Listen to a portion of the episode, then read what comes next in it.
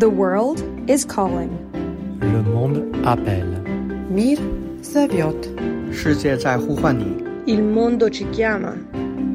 Verden kalder. En kvinde, der i trods sætter håret op i en hestehale, mens hun står over for bevæbnede sikkerhedsstyrker. En død demonstrant, der er begravet, og oven på graven hendes datter, der fortsætter moderens protest ved at kronrave sit hoved. Det er nogle af de voldsomme billeder, der fortsætter med at strømme ud fra Iran lige nu, for det er ikke lykkedes det iranske præstestyre at kvæle de protester, der startede, da en ung kvinde blev anholdt for at bære sit tørklæde forløst om sit lange sorte hår. Masha Amini, som hun hed, hun endte med at dø i det iranske moralpolitis varetægt, og mange andre unge kvinder er siden blevet dræbt for at smide deres tørklæde i protest.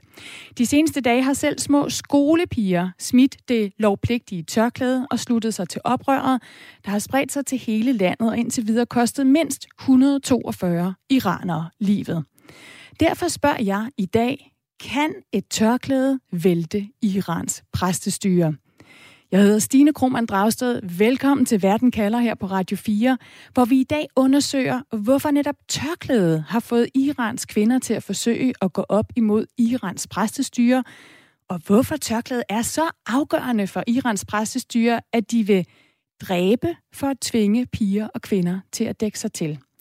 Du er som altid velkommen til at sende en sms ind til mig her i løbet af programmet, hvis du har spørgsmål, hvis du har kommentarer. Hvad tænker du, når du ser unge kvinder og piger sætte deres liv på spil for at få lov til at vise en fli af deres hår?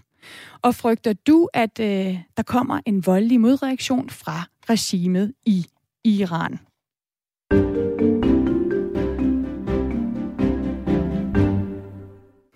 Karolina Camille, korrespondent i Mellemøsten for Berlingske. Velkommen til Verden kalder. Tak for det. Du er med, fordi du følger demonstrationerne og dækker dem øh, fra Istanbul. Og Karolina, der har jo før været protester imod præstestyret i Iran, som er blevet slået hurtigt ned. De her tørklædeprotester, de har nu været i gang i flere uger. De ser ud til kun at tage til i styrke. Hvad er det, der er anderledes den her gang? Altså, hvad er det ved tørklædet, der har vækket så mange vrede hos kvinderne i Iran? Jeg har lyst til at fremhæve to ting. Altså, som du siger, der har været protester før, og er det faktisk jævnligt i Iran, på trods af et meget brutalt præstestyre, der slår ting ned, eller der står oprør ned meget hurtigt. Men tidligere protester har handlet øh, ofte om øh, korruption, eller øh, hvad skal vi sige, øh, stemmeresultater, der har handlet om økonomisk, øh, økonomiske vilkår, som er rigtig, rigtig øh, forfærdelige i Iran. Den her gang handler det om en af de aller, aller vigtigste grundpiller i hele den islamiske republik, nemlig tørklædet. Så det i sig selv gør det, gør det anderledes, at vi altså ender pille ved kernen. Og den anden ting, øh, som hænger lidt sammen med det, der er anderledes, er, at den her gang er protesterne enormt brede, øh, og der er støtte på tværs af, af køn, alder, etniske skæld, øh, geografiske forskelle og socioøkonomiske vilkår. Hvor tidligere så har underklassen måske protesteret mod, at de ikke kan få job og ikke har råd til, til mad. Øh, overklassen har været vrede over øh, korruption eller levevilkår. Det her det er altså en sag, som har fundet opbakning på tværs af alle de her etniske og socioøkonomiske skæld. Og det gør det øh, vildt, og det gør det øh, større og mere eksplosivt, end vi har set tidligere. Og det er jo super interessant, at vi har noget, der på en eller anden måde er meget småt, altså et tørklæde, meget symbolsk, og så siger du, at det er jo blevet så stort og fundamentalt, fordi at det nu har mobiliseret på tværs af hele befolkningen. På Twitter og på Telegram, der vrimler det med videoer af piger og kvinder og mænd, der slutter sig til protesterne de her dage, og, og i medierne her i Vesten, der hører vi jo, at tørklædeprotesterne har massiv opbakning i befolkningen, som du også siger her. Altså ved vi det, Karolina? Ved vi, hvor stor og hvor omfattende opbakningen er?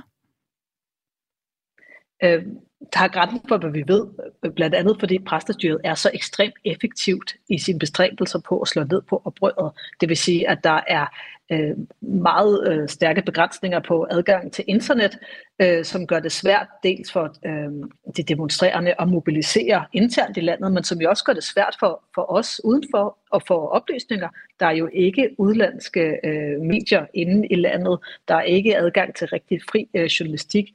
Men vi ser jo dog øh, øh glemt øh, i form af, øh, af Twitter-videoer fra alle mulige steder i landet, også nogle af de allermest konservative dele af Iran, hvor, hvor unge skolepiger, hvor universitetsstuderende, hvor folk på gaden råber øh, død over diktatoren og, og ned med præstestyret.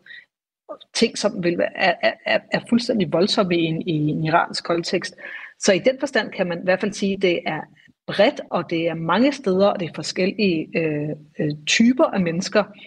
Øh, hvor stor en del det så er i sidste ende, det er selvfølgelig svært at sige, både på afstand, men også inde i landet, fordi at det, øh, vi jo taler om et dybt undertrykkende styre.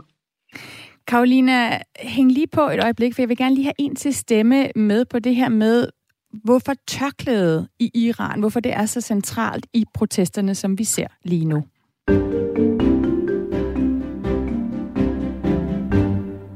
For selvom, som Karolina fortæller her, øh, Irans styre har forsøgt at blokere internetforbindelsen, så videoer og billeder fra demonstrationer i Iran øh, har svært ved at komme ud, jamen så er der er alligevel masser af sociale medier, der øh, har videoer, som dækker altså, hvad der sker i Iran lige nu. En af dem, der følger protesterne, både ved at følge med på nettet, men også ved at tale med de, de familiemedlemmer, hun har i Iran, det er Nahid Riazi, som er dansk-iransk kvinderettighedsaktivist. Og hun fortæller, at øh, tørklædet det er blevet centrum for et krav om systemskifte, og noget iranerne risikerer livet for, at det er helt naturligt, at tørklædet er blevet det, fordi kampen om tørklædet, det har været en kamp, der er, har været i gang siden afslutningen på revolutionen i 1979, hvor hun altså selv var barn i Iran. Det er en naturlig øh, Øhm, følge af det, som regimet symbolsk prøvede for 43 år siden, at, øh, at kampen imod det samme, det vil sige kampen imod det, øh, at tvinge kvinder med slår og kønsapartheid, er også blevet symbolet for kampen for hele det her system, som vi har i Iran. Og det er præstestyret med nogle totalt undertrykkende, brutale øh, øh regler, øh, øh, og, og det her kamp er nu blevet jo øh, meget centralt. Så tørklædet som symbol på alt det, iranerne vil have ændret i Iran, fortæller Nahid Riazi her. Og hun husker også protester mod tørklædet fra hendes egen barndom i Iran, hvor blandt andet hendes søstre var på gaden. Man kan jo se, at kampene startede fra den dag, hvor Khomeini for første gang sagde, at nu skal kvinder tvinges til at gå med slår. Og det var kort efter revolutionen i 79.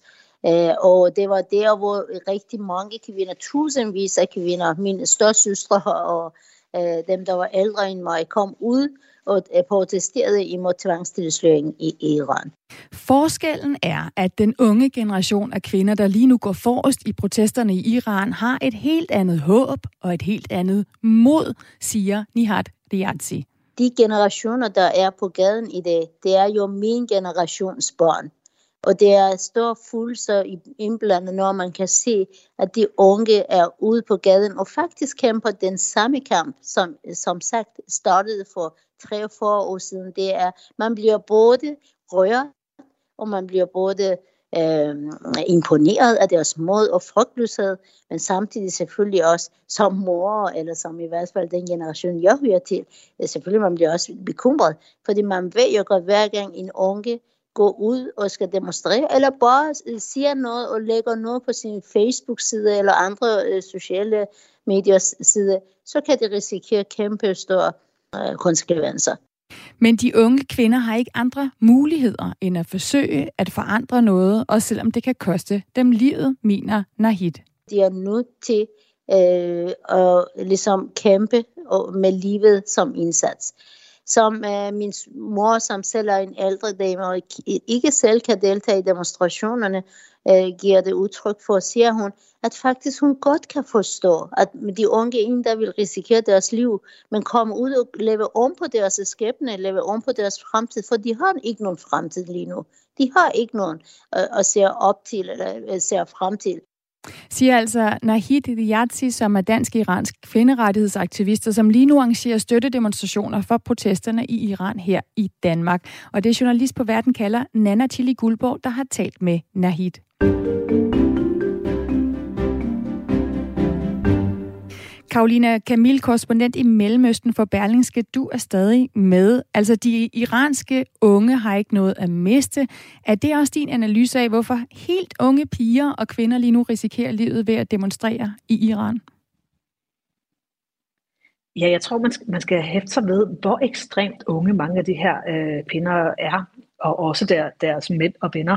Altså fordi, når jeg taler med, med, øh, med iranere, som er jævnaldrende med mig, i midten af 30'erne, så er de allerede Øh, de, har, de har set protester blive slået ned.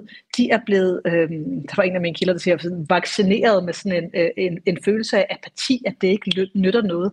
Men den unge generation, de er ikke blevet kastreret, kastreret intellektuelt, det var, det var Mikildes udtryk, på samme måde som, som bare dem, der er i slutningen af 20'erne eller 30'erne.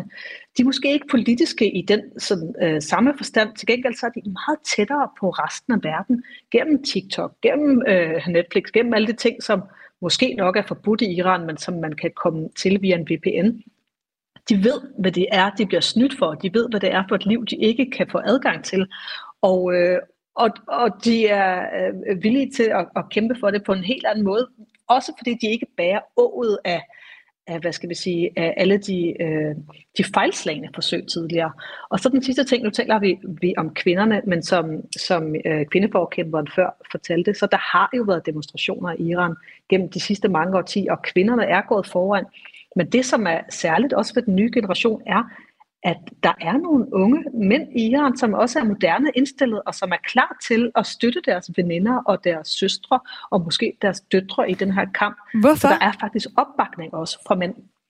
Øh, fordi øh, er, er min oplevelse, og dem jeg taler med, at tørklædet, i Danmark har vi en tendens til at tale om, om tørklæder og diskussioner om islam som symbolpolitik underforstået noget lidt mindre vigtig politik end alt det der med økonomi og finanser.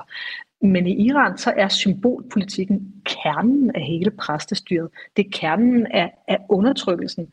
Kernen af det, øh, hvad skal vi sige, sharia-regime, som befolkningen har fået trukket ned over hovedet.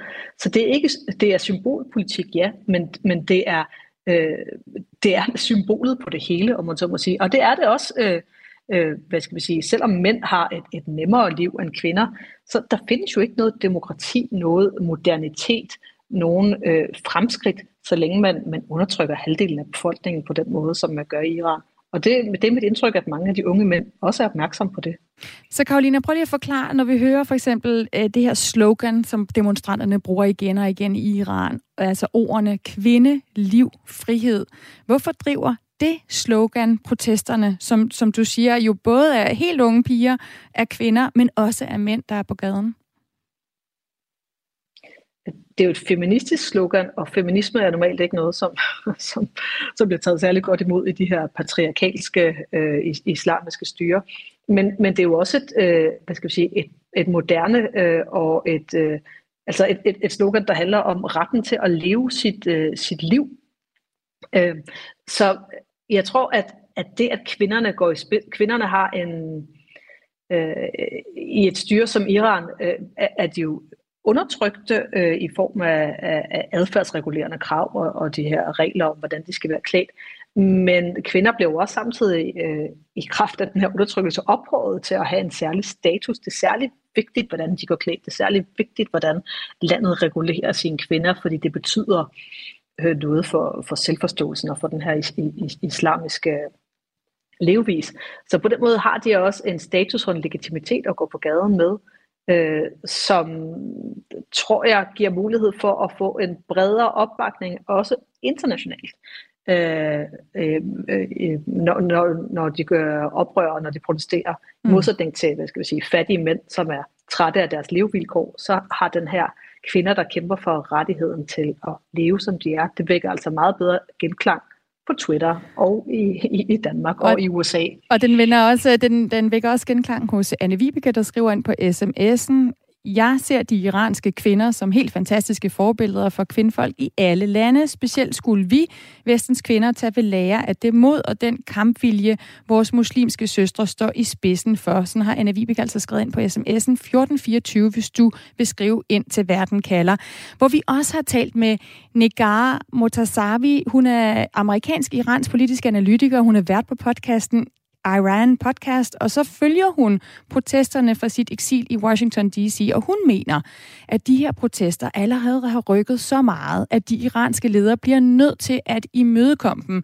For eksempel når det gælder moralpolitiet, som altså var dem, der anholdte den her 22-årige unge kvinde, Masha Amini, hvis død antændte protesterne.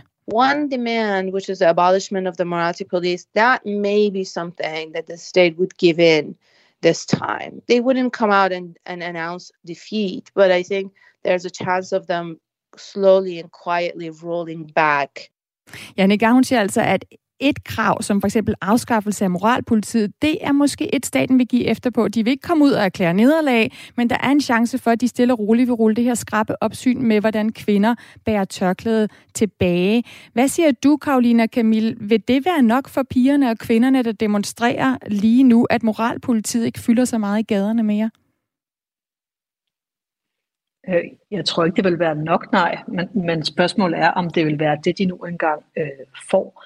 Altså, øh, den her øh, forestilling om, at, at protester øh, på et tidspunkt fører til nogle kompromiser, det er jo sådan, verden er i demokratier som vores. Hvis der, folk går lang tid nok på gaderne, så bliver politikerne nødt til at give efter og give et eller andet, øh, for at der ikke for at de ikke, altså for at de kan blive genvalgt næste gang, eller for at der ikke kommer øh, øh kaos.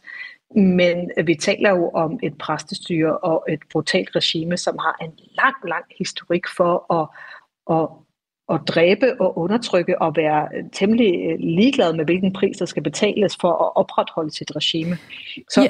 Ja, må jeg lige spørge vi dig... hæver jo på kvinderne og på pigerne, og ja. vi ønsker det gerne, men jeg synes, at, at, at historien er ikke særlig sådan Opmuntrende. optimistisk på deres vegne. Karolina, jeg vil lige gerne nå at spørge dig om, hvad dit svar så er på det spørgsmål, jeg stiller her i programmet i dag. Kan et tørklæde vælte Irans præstestyre, hvis du skal opsummere? Øh, jeg vil sige, det kan i hvert fald det kan starte et tryk, og det har startet et tryk øh, og, og en bevægelse, som øh, har større chancer for at, at rykke ved det her præstestyre, end så mange af de andre øh, oprør, der har været tidligere. Tusind tak, Karolina Camille, korrespondent i Mellemøsten øh, for Berlingske, for det her perspektiv på, hvor langt de her tørklæde protester og pigerne og kvinderne kan gå i deres oprør imod Irans præstestyre.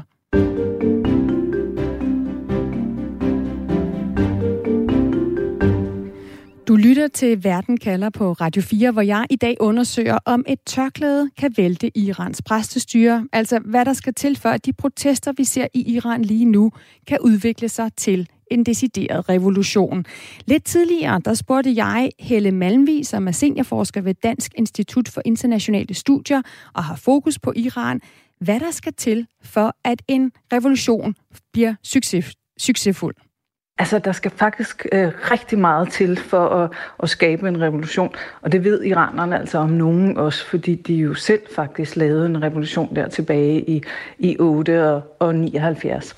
Men altså, hvis vi kigger på nogle af, af ingredienserne, så skal der først til, at, øh, at man skal kunne mobilisere øh, masserne, og man skal kunne mobilisere sådan, altså på tværs af ja, sådan etniske og religiøse grupper på tværs af, af land og by. Ikke? Det skal være over det meste af land og på tværs af, af klasser. Øhm, så man skal, have, have, man skal have mange, man skal have flere klasser med sig, før at man har en, en chance for at, at lykkes. Det, det er en af de, i de første ingredienser. Så skal man jo selvfølgelig kunne blive ved med at, at få øh, folk ud i gaderne og få dem blive ved med at for eksempel at, at strække, organisere sig og lave happenings.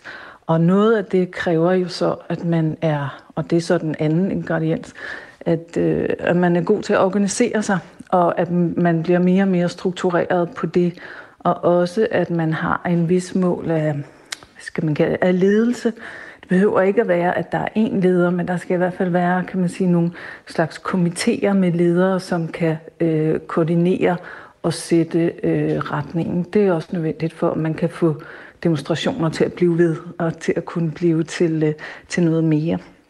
Og så den sidste øh, minimumsingrediens, vil jeg sige, det er, at øh, i virkeligheden, at, at nogen fra, fra regimet selv, altså fra statsapparatet selv, skal begynde at, øh, at, at, at, at vakle og, og begynde at gå over inden på øh, protesternes side eller udøve kritik af regimet.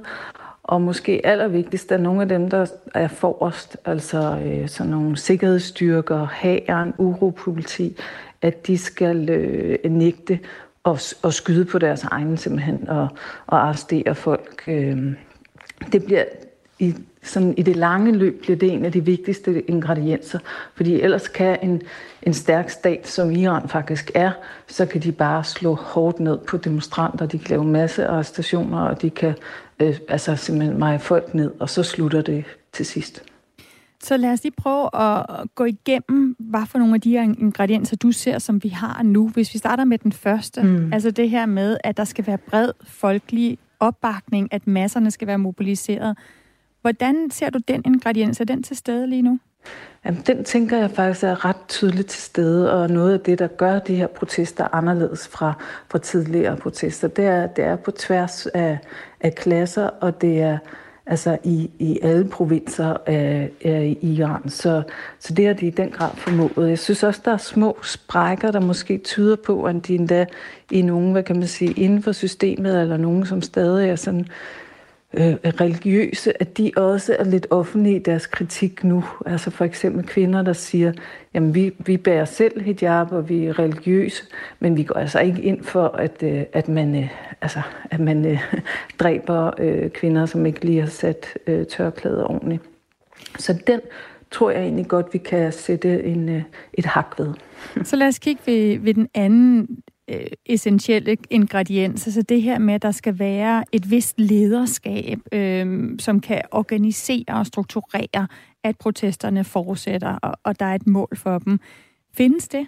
Det synes jeg, det ser ud til, at, at det ikke gør endnu. Altså at det stadig er, mm, man kunne næsten sige, spontane demonstrationer. Øh, selvom de selvfølgelig taler med hinanden og også koordinerer i, i mindre grupper. Øh, og det handler jo også om, at når man bor i et, et diktatur eller en autoritær stat, så er der jo ikke mulighed for at, at, øh, at organisere sig øh, ellers. Øhm, så den, den, den mangler den der, øh, hvad skal man sige, organisationskapabilitet øh, eller, eller infrastruktur. Det er noget, der i virkeligheden nu skal skabes her øh, under protesterne og som også gør det altså, vil sige, særligt svært i Iran. Øhm, hvis vi tænker på nogle af, af de mange protester, vi ellers kender fra Mellemøsten og fra det arabiske forår, så for eksempel der, hvor der var en stærk organisation i mange lande, var, var hos øh, sådan, øh, islamiske grupper, ikke, som ligesom havde kunnet øh, mødes omkring øh, øh, moskeen og gamle netværk, man har der. Men, men der er det jo lige den, øh, den modsatte situation i, øh, i Iran. Og så er der den tredje ingrediens, og måske den vigtigste, det her med, at der skal slå sprækker i styret. Altså nogen indenfra skal hoppe fra og slutte sig til oprøret. Ser du tegn på det? Ikke helt endnu, det vil jeg sige. Og især ikke, når det kommer til, øh, til det der med, at, og at der skulle være nogen fra, fra sikkerhedsstyrker, eller hæren, eller politiet, som, øh, som ikke parerede øh, ordre. Øh, og det bliver en af de øh, helt, helt vigtige. Jeg har hørt nogle rapporter om, at der er nogen, der har sagt, at det så ud som om, at nogle af dem helt yderst i frontlinjerne, de skulle skældes meget ud for ligesom at, at komme afsted. Men, øh, men, men det er sådan lidt på, på anekdote, anekdoteplan, øh, jeg har hørt det. Så, så, så der, er vi, øh, der er vi slet ikke endnu. Så hvis jeg lige vender tilbage til hovedspørgsmålet, som jeg prøver at få svar på her i programmet, kan et tørklæde vælte Irans præstestyre? Hvor synes du så, vi står lige nu? Der, der tænker jeg, at vi står ved, øh, der står vi stadigvæk ved begyndelsen. Vi, vi er kommet godt i gang, men, øh, men vi er stadigvæk kun ved, ved begyndelsen. Sådan lyder vurderingen altså fra Helle Malmvig, seniorforsker ved Dansk Institut for Internationale Studier, som blandt andet forsker i Iran, om hvilke ingredienser der altså skal til for at skabe en succesfuld revolution, og at der ud af tre helt nødvendige ingredienser kun er en, der med sikkerhed er til stede i Iran. Jeg tager lige lidt sms'er, for I skriver ind til mig på 1424, blandt andet Helle, der skriver, ja, de iranske kvinders folks eller de iranske kvinders og folks tørklædeprotester revolution mod pressestyret i Iran er starten på det frygtelige, voldelige og undertrykkende regimes fald. Tiden er inde til nye tidskrav om frihed og demokrati, sådan skriver Helle altså ind på 1424. Der er også en, der har skrevet ind, det er ikke kun halvdelen kvinder af befolkningen, som, men hele befolkningen, der undertrykkes. Det er sørgeligt, hvis øh, mænd i Iran finder sig i at anses for uformående i at styre sig selv over for kvinder. Lige om lidt så kigger vi på, hvorfor det overhovedet er en trussel for præstestyret i Iran, at piger og kvinder lige nu smider tørklæder. The world is calling. Le monde appelle. Mir Zaviot. 世界在呼唤你。Il mondo ci chiama. Verden kalder. Kan et tørklæde vælte Irans præstestyre? Det er spørgsmålet, jeg er ved at få svar på her i Verden kalder på Radio 4. Nu hvor piger og kvinder har sat gang i voldsomme protester over hele Iran ved at smide de tørklæder, som Irans præstestyre kræver, at de bærer. Et tørklæde, der er blevet symbol på undertrykkelse og mangel på frihed, og et tørklæde, som nu har fået mange iranere til åbent at vende sig imod Irans præstestyre.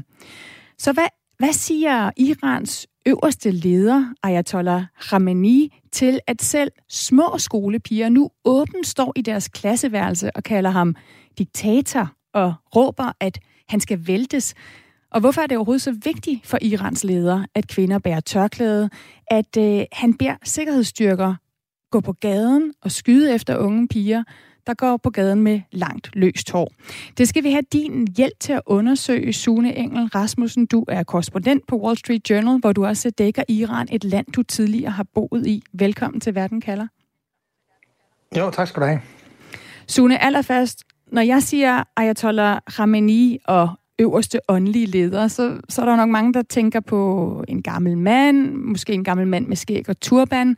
Hvem er den her 83-årige mand, der styrer Iran? Altså, hvor magtfuld er han? Han er en gammel mand med skæg og turban, det er rigtigt nok, men, men han er også øh, den øverste religiøse leder for Iran, og det har han været siden 1989, da han, øh, da han overtog posten fra grundlæggeren af den islamske republik, Ayatollah Khomeini, øh, da han døde. Øh, og han er en slags, hvad kan man sige, en, øh, næsten sådan en slags monarkisk figur, øh, som ikke er på valg øh, Øh, og som officielt set i hvert fald den måde, det var udtænkt fra starten af, af den islamiske republiks dage, øh, skulle holde sig sådan hævet over øh, dagligdags politik, og i stedet for være en samlende øh, figur for nationen, og så udstikke sådan de større retninger for udenrigspolitik for eksempel, og sørge for, at, at øh, værdierne og idealerne fra revolutionen blev holdt ved hævd. Øh, efterhånden, som, som den islamiske republik så er blevet ældre og, og er blevet mere fragmenteret og har mistet meget opbakning blandt befolkningen, så er Ayatollah Khamenei også blevet mere sådan politisk øh, øh, figur, kan man sige, og er blevet mere et symbol på undertrykkelse. Ja, der har altid været en autokrat, men, men øh, i stigende grad blevet set som en diktator, som de kalder ham i gaderne nu. Øhm, men han har opbygget et magtapparat omkring sig, hvor han er meget tæt på øh, militæret, især revolutionsgarden, som er den her sådan, eliteenhed for militæret, som har til opgave at forsvare revolutionen.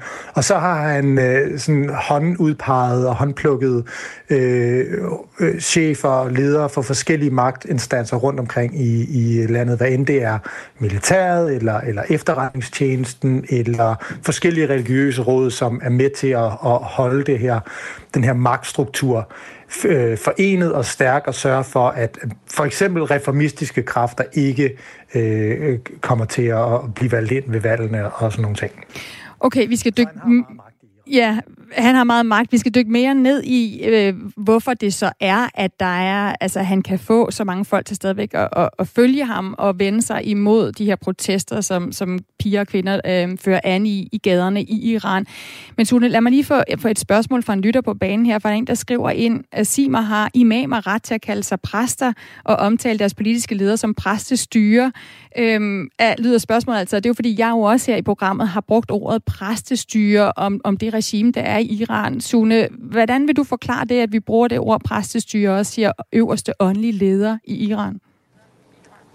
Altså, den øverste åndelige leder, det er, det er, det, det, det er sådan en korrekte betegnelse for, for uh, Ayatollah Khamenei. Øhm, præstestyret, det, er sådan lidt en, det bliver sådan lidt ordkløveri, men det er sådan en dansk konstruktion. Altså, det bruger man ikke rigtig på, på iransk eller på persisk, og det bruger man faktisk heller ikke på, på engelsk. Altså, jeg tror måske, det, det man vil prøve at sige med det ord, det er, at det er et styre, som er ledet af, af religiøse ledere. Øh, og, øh, mm. og, og, og det er så... Altså, en imam er jo, er jo en mand, der arbejder i en, i en moské, og som holder fredagsprædiken. Det er ikke nødvendigvis ham, der leder landet. Det er, det er Ayatollah, og så er det religiøse leder med, med... Ayatollah er en titel, øh, og det er ikke alle øh, de religiøse ledere i Iran, som er ayatollah. De kan også være Hojatollah Islam, og de kan være andre ting, som er sådan længere nede af, af rangstigen. Og måske er det, fordi det bare er en lettere så der, sådan form for samlebetegnelse, kalde dem alle sammen for, for præster. Så fik, vi styr, så fik vi styr på det, altså hvorfor vi her i Danmark ofte bruger præstestyre. Øhm, det er altså en ayatollah, den øverste åndelige leder i Iran, vi, vi taler om. Og, og Irans leder, øh, den øverste leder, øh, Khamenei, han siger jo så, Sune, at det er USA, at det er Israel, der står bag de her voldsomme tørklæde protester. Hvad er det for en besked, han sender til hans øh, regime, til det magtapparat, du har forklaret, han ligesom har til rådighed, når han på den måde bebrejder andre lande for at stå bag? Det er fuldstændig det samme manuskript, som han har fulgt i, i fire årtier. Det er, at al form for uro og øh, utilfredshed inden for Irans grænser, det må nødvendigvis øh, være støttet af Irans ærkefjender, USA og Israel. Og så nogle gange, så, så smider han også Saudi-Arabien oveni. Det gjorde, gjorde han her forleden, da han talte om, om protesterne, de nuværende protester. Og, øh, og det er, fordi Iran er bygget på, den islamiske republik er bygget på et fundament af øh, modstand mod USA og Israel. Og hvis man kan ligesom sætte protester, øh, demonstranter øh, i bås med Irans ærkefjender, så har man også en undskyldning for at slå ned på dem. Øh, og så har USA jo, skal vi huske, en historie i Mellemøsten med at, at føre krig mod øh, grupper, som blandt andet bekender sig til øh, islam, og det er tit i, i Mellemøsten blevet sådan, set som en krig mod islam, og fordi øh, USA er bange for, øh, for, for islams vælde. Øh, så på den måde er det ikke helt grebet ud af den blå luft. Men det er det i det her tilfælde. Altså, de her protester er organisk øh, opstået inden for Irans grænser, og vi har ikke set nogen tegn på sådan, ikke, ikke sådan betyd, be, betydelig støtte fra, fra udenlandske magter. Det har vi ikke. Selvom, selvom USA og Israel sikkert hæpper med fra sidelinjen. Men, men Sune, så forklar mig lige, nu forklarer du her, at, øh, at, at den islamiske republik Iran er bygget på et fundament af modstand imod øh, USA. Hvorfor er det så, at øh, Irans præstestyre ser det her tørklæde, og det, at kvinder øh, skal bære tørklæde og dække sig til, som afgørende for, at, øh, at deres republik kan fortsætte?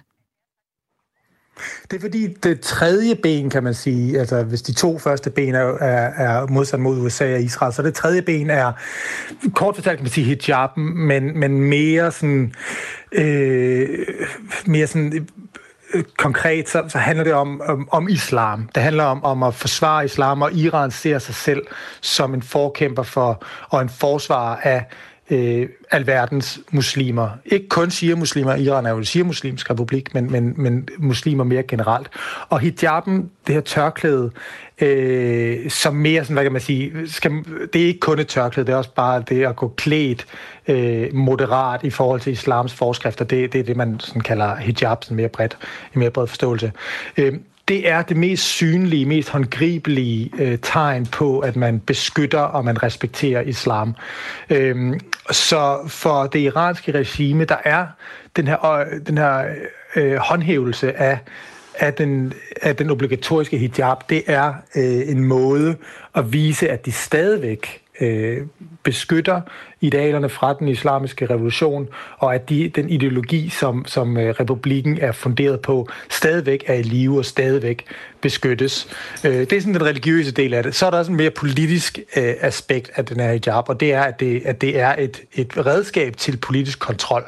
Øh, du kan kontrollere og forsøge at kontrollere halvdelen af befolkningen gennem den her lovgivning, som siger, at man skal øh, gå med hijab på. Du går simpelthen ind i, i folks med sådan, folks privatsfære. Du bestemmer, hvad kvinderne skal, hvordan de skal gå klædt, øh, og deraf så du, du bestemmer, hvordan de skal øh, gebære det sig med, med medlemmer af det modsatte køn, øh, hvem de skal forelske sig med, hvordan de sådan skal, skal opføre sig i det offentlige rum, og hvordan de skal gå klædt. Så på den måde er det, er det et redskab til politisk kontrol, og hvis det bliver eroderet, så frygter regimet, og sikkert med god grund, tror jeg, at den iranske befolkning vil så se, at det er, at se det som et tegn på svaghed, og se det som et første skridt på, at fundamentet under regimet er ved at smuldre, og hvis først de fjerner øh, den her øh, obligatoriske hijab, så vil befolkningen gå efter at, at vælte resten af regimet og republikken. Og det, øh, det, mm. Så det er derfor, regimet øh, ser så, så alvorligt på den her hijab. Det, det er super spændende lige at få slået fast, hvorfor at øh, det her tørklæde simpelthen kan blive, altså at hvis det ikke bliver respekteret og brugt, så øh, kan det slå sprækker i det her regime. Lad os lige øh, prøve at vende os mod en til stemme, som vi har spurgt om, hvorfor de her tørklæde protester, eller om de kan være starten på enden på præstestyret. Vi skal nemlig høre fra en ekspert i iransk, øh, iransk politik, der mener, at de protester, vi ser, er begyndelsen på enden for regimet i Iran. Det er Said Golkar, som er gæsteprofessor ved Chicago Council of Global Affairs i USA, og han mener om, at revolutioner, de kan tage tid. You know, the end of the Islamic Republic, uh, or any revolution, solution for this matter, any political system, it's not happening in one night.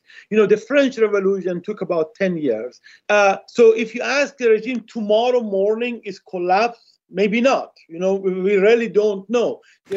Ja, altså revolutioner skal ikke over natten, siger Golkar, det og minder om den franske revolution, som tog 10 år. Det iranske regime kan kollapse i morgen, der kan gå år, men protesterne mener, han har skabt betingelser for et jordskælv under præstestyret, og så er spørgsmålet, hvornår jordskælvet vil komme when exactly the earthquake will come. We don't know when exactly the Islamic Republic will collapse completely. But in my opinion, this is the beginning of the end of the Islamic Public. Ja, selv mener Golkar altså, at kvindernes tørklædeprotester er begyndelsen på enden på den islamiske republik i Iran.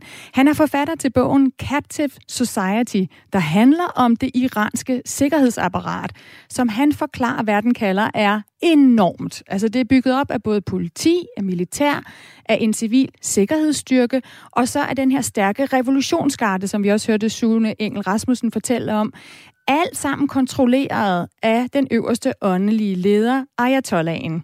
Og så er det ikke bare bundet sammen af, af magt, af militær magt, det er også bundet sammen af økonomi, af kultur og af ideologi, forklarer Golkar. Så hvorfor er alle de her mennesker lojale over for Irans præstestyre? Golkar han siger, at det handler både om, at øh, de bliver rekrutteret blandt landets mest religiøse og konservative og mest fattige iranere, og så handler det altså også om, at der foregår en massiv indoktrinering efter rekrutteringen. The different socio-economic background and the, and, and, and the massive indoctrination will result to a, a gap between security forces and Iranian population in general. De her socioøkonomiske forhold og den her enorme indoktrinering betyder altså, at der er et stort skæld mellem sikkerhedsstyrkerne, altså det her magtapparat på den ene side, og så den iranske befolkning, der går på gaden på den anden side, forklarer Golkar. Alligevel så er han optimistisk på demonstranternes vegne. For det, vi skal bide mærke i, siger han, det er, at iranerne bliver ved med at gå på gaden, på trods af den brutalitet, der møder dem. You know, uh, one of the most brutal repressive regime that every time people are coming to the street or uh, putting them down, you know, using the massive violence, and again people are coming to the street. So based on what we have seen from the past, until all of these grievances have not been uh, you know, uh, met or answered by the regime, the protests will continue until the, the, the regime collapse. Ja, selvom Irans øh, regime har brugt brutal vold imod de folk, der gennem årene er gået på gaden, så afholder det altså ikke nye demonstrationer, som de her tørklæde demonstrationer, vi ser lige nu, fra at springe frem. Det siger noget om, at iranerne vil fortsætte med at demonstrere indtil regimet kollapser. Det mener altså Said Golkar, som er ekspert i Irans politik og som er gæsteprofessor ved Chicago Council of Global Affairs i USA. Og han er derfor optimistisk på vegne af de iranere, der ønsker et nyt styre i Iran.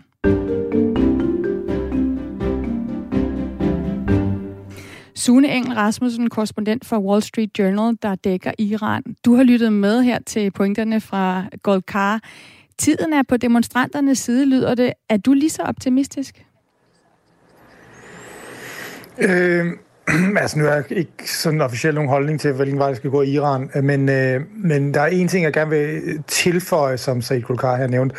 Øh, man, får, man kan tit få indtrykket, når man ser udefra, især når man taler med med modstandere af, af, det, af det iranske regime, øh, at, at, øh, at, at der er det her, det, at det kun handler om øh, en hel befolkning, som er imod regimet, og så, og så regimet og magtapparatet. Men der er altså også stadigvæk iranere, som støtter øh, ideologisk set støtter den islamiske revolution, og som støtter republikken. Jeg er helt overbevist om, at, at den andel af befolkningen er svindende, og den er faldende, men, men der er andre iranere end kun styret, og så dem, som er imod styret. Så det, det er sådan en vigtig pointe. Det er også en af grundene til, at, at, øh, at den islamiske republik har kunne overleve i 43 år, mens, mens regeringer rundt omkring i regionen de er, de er kollapset. Øhm, når du spørger og det er undskyld, og det er så måske heller ikke iranere, det er de iranere, der støtter regimet, og måske så heller ikke dem, vi ser på Twitter og, og på sociale medier. Så det er ikke det, vi for, som udlandske medier ligesom får, får oplyst om. Præcis, præcis, ja. Ja, præcis. Øhm, og, og det er heller ikke sikkert, at de er villige til at gå på gaden for at forsvare regimet. Det, det er sådan set ikke sikkert. Men, men der er stadigvæk en folkelig opbakning. Selvom det er en minoritet af iranere, øh, så, så er der stadigvæk... Øh, man kan, ikke, man kan ikke øh, have et regime til at overleve over 40 år uden en form for folkelig op, op, en vis grad af folkelig opbakning. Øhm, men når det er sagt, og du spørger, om jeg er optimistisk, så, så mener du om, om jeg tror, at de her protester, de kan, de kan vælte regimet. Det, det er sådan, man altid spørger om, når der er protester i Iran. Men, jeg, men det er rigtigt, jeg tror, at de her protester, de er anderledes. Og, og jeg er helt enig i, at vi, vi, vi skal ikke nødvendigvis øh, forvente, at regimet bliver omstyrtet her om en uge eller om en måned. Det kan godt ske, men, men, men, øh, men det kan også ske om et år, det kan også ske om to år. Det, jeg tror, der er vigtigt at, at forstå ved de her protester, det er, og det, der gør dem anderledes, det er, at, at de udspringer, fordi de udspringer af, af noget så øh, omsaggribende som den her hijab, som alligevel øh, som, som øh, halvdelen af befolkningen er tvunget til at bære, som, og som alle familier har et forhold til, så er det en meget, meget bredt funderet bevægelse. Og jeg tror, der har været så meget vrede og så meget utilfredshed i Iran i så mange år, som vi ser eksplodere nu. Mm. Og når det har det her fundament, vi ser folk, der kommer sammen, vi ser etniske minoriteter, vi ser, øh, og det ledet af kvinder, vi ser, vi ser religiøse minoriteter som sunnimuslimer. Hende, Masa Amini, som, som vist død, ligesom øh, fik den her, de her protester til at bryde ud. Hun var en, en, en kurdisk sunnimuslimsk kvinde, så hun er ligesom til sådan tre marginaliserede grupper. Så det kommer fra magnerne af samfundet, og så har det grebet øh, den politiske, sådan mere mainstream ja, opposition. Sune, det tror jeg er meget vigtigt. Og derfor, så Sune, må jeg lige spørge med den pointe, du, du laver der, der griber du virkelig en fat i en af de ingredienser, som Helle Malmvig, som vi hørte fra tidligere, jo også siger, er afgørende for, at en revolution vil lykkes. Altså det her med en bred mobilisering i befolkningen, der har opbakning på tværs af etniske skæld, af, af hvad hedder det, køn, af, af forskellige aldersgrupper. Men hun peger jo også på to andre ting, der skal være til stede. Øh, blandt andet, at øh, den, øh, den protestbevægelse bliver ledet, og at ikke mindst, at der er, er sådan sprækker i sikkerhedsstyrkerne eller i magtapparatet, øh, som præstestyret sidder på. Ser du nogle tegn på det? Altså på, at de her tørklæde protester har held til at vinde sympati blandt sikkerhedsstyrkerne? Altså, vi har set, vi har set, øh, vi, vi har set nogle øh, loyalister af regimet, som går ud og, og, og pip lidt om, om, om tørklædet, men det, er, men det er stadigvæk meget tidligt. Vi er kun tre uger inde i de her protester. Øhm, og det, som vi, skal, som vi skal lægge mærke til, det er nemlig de her, vi, vi skal se, om der er de her sprækker, og så tror jeg også, at det er vigtigt at holde øje med, om der kommer en form for organisering. Altså, der er, der er fagforeninger, for eksempel rundt omkring i Iran, som tidligere har organiseret strækker. Øh, buschauffører, olie, arbejder på olieraffinaderier, lærere, de har over de sidste par år organiseret deres egne strækker. Og hvis de for eksempel kunne øh, koordinere en indsats, hvor de lavede landsdækkende strækker og nærmest lukkede ned for landet, det tror jeg kunne komme til at, at, at spille ind, fordi så står regimet med et land, som rent som, som er, er gået i stå, og, og så er de nødt til at gøre et eller andet. Øhm, og så tror jeg måske, man kan komme til at se øh, se, se sprækker i, i, i regimet, eller se regimet er nødt til at give, give nogle indrømmelser. Mm. Så det er en måde, at vi kan se en organiseret indsats. Og derfor, deraf kan der måske også komme et lederskab. For det er rigtigt, på, på et tidspunkt, hvis man vil forhandle med regimet, hvis det er noget, man overhovedet har lyst til, så skal man selvfølgelig have nogle repræsentanter, man kan, man kan, øh, man kan forhandle med. Og et lederskab vil også gøre det mere øh, nemt, gør det lettere for, for en, en protestbevægelse og ændre taktik.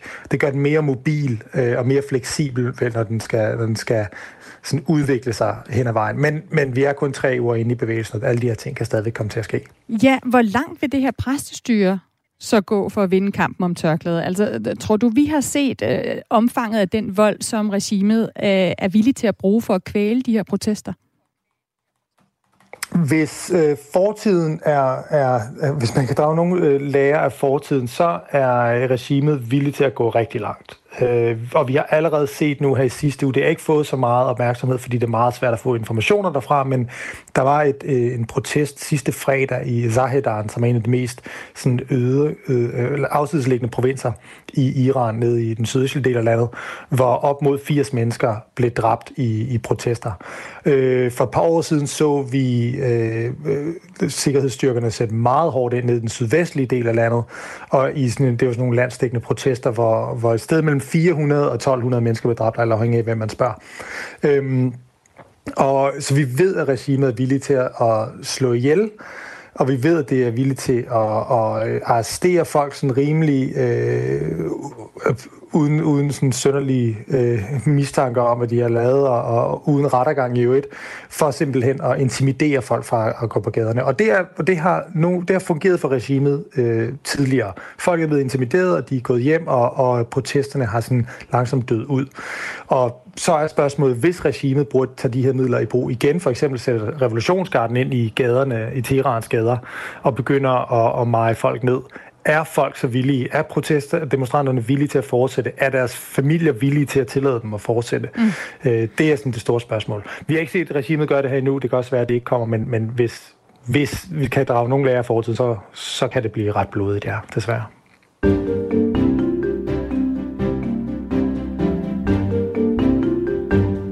Som altid her i Verden kalder, der vil jeg gerne slutte programmet med en konklusion på dagens spørgsmål. Altså, kan et tørklæde vælte Irans præstestyre? Vi har allerede fået forskellige bud på et svar.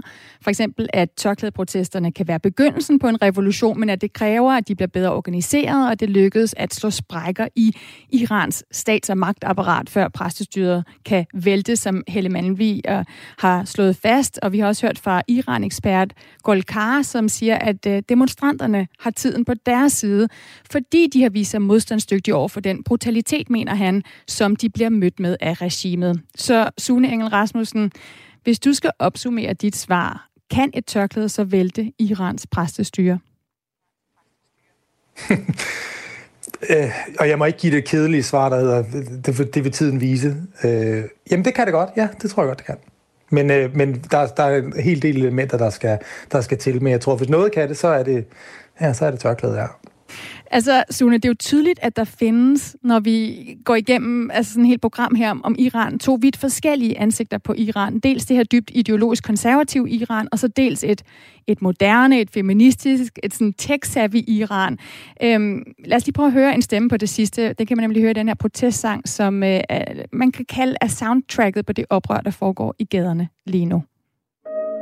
برای توی کوچه رخصیدن برای ترسیدن به وقت بوسیدن برای خواهرم خواهرت På grund af dans i gaderne, på grund af alle de gange, vi er bange for at kysse vores elskede på gaden, på grund af mine søstre, din søster, vores søstre. Det er altså den iranske sanger Shavin Hajipur, der i sangen Because of på grund af har sat musik til en masse tweets om, hvorfor tørklædeprotesterne giver mening for iranerne lige nu. Sune, hvor lang tid kan de her to ansigter leve side om side? Altså det her konservative Iran og det meget moderne Iran? Det tror jeg sådan set godt, det vil, altså det vil det komme til at, det vil det blive nødt til, for der er et konservativt Iran, som, som ikke nødvendigvis er regimet. Øh, så, så det kan det sådan set godt. Øh, problemet er, når, når de konservative værdier fra den ene øh, side af befolkningen bliver påduttet, påtvunget den anden del af befolkningen med, med vold og med og med lov, øh, så så opstår der friktion. Men selvfølgelig kan de, kan de øh, leve side om side i Iran, ligesom de kan alle mulige andre steder i, i verden. Øh, der er ikke sådan, som sådan større forskel på en konservativ iraner og en liberal iraner, end der er på en, en lad os sige, en konservativ amerikaner eller en, en, og, en, og en liberal amerikaner, eller for den sags skyld, øh, to modpoler i Danmark. Så det kan de sådan set godt. De skal bare øh, have en eller anden form for system, hvor alle i landet føler sig repræsenteret og føler, at de har muligheden for at, for at øh, få indflydelse på det politiske liv, og, og frem for alt, øh, at de har frihed til at, at leve det liv og den fremtid, som de, som de har lyst til. Sune Engel Rasmussen, korrespondent på Wall Street Journal. Tusind tak for at være med i Verden kalder. Selv tak, Stine. Altså om, hvordan det kommer til at gå med de her protester, de tørklædeprotester, som vi ser øh, udspille sig i Iran lige nu, og om tørklædeprotesterne, et tørklæde, kan være med til at vælge, vælte Irans præstestyre. Jeg hedder Stine Krummernd Dragsted. Jeg har tilrettelagt dagens udsendelse sammen med Nana Chili Guldborg. Vores redaktør er Dorte Lind. Husk, at du kan finde vores podcast for eksempel i Radio 4's app, eller hvor du finder din podcast. Så kan du lytte til afsnit af Verden kalder, lige når du har lyst. Tusind tak for at lytte med til Verden kalder, hvor vi i dag slutter med lyden af det håb, iranerne har for en anderledes fremtid. زندگی آزادی.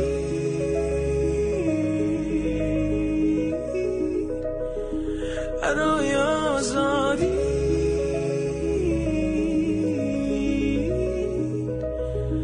برای آزادی.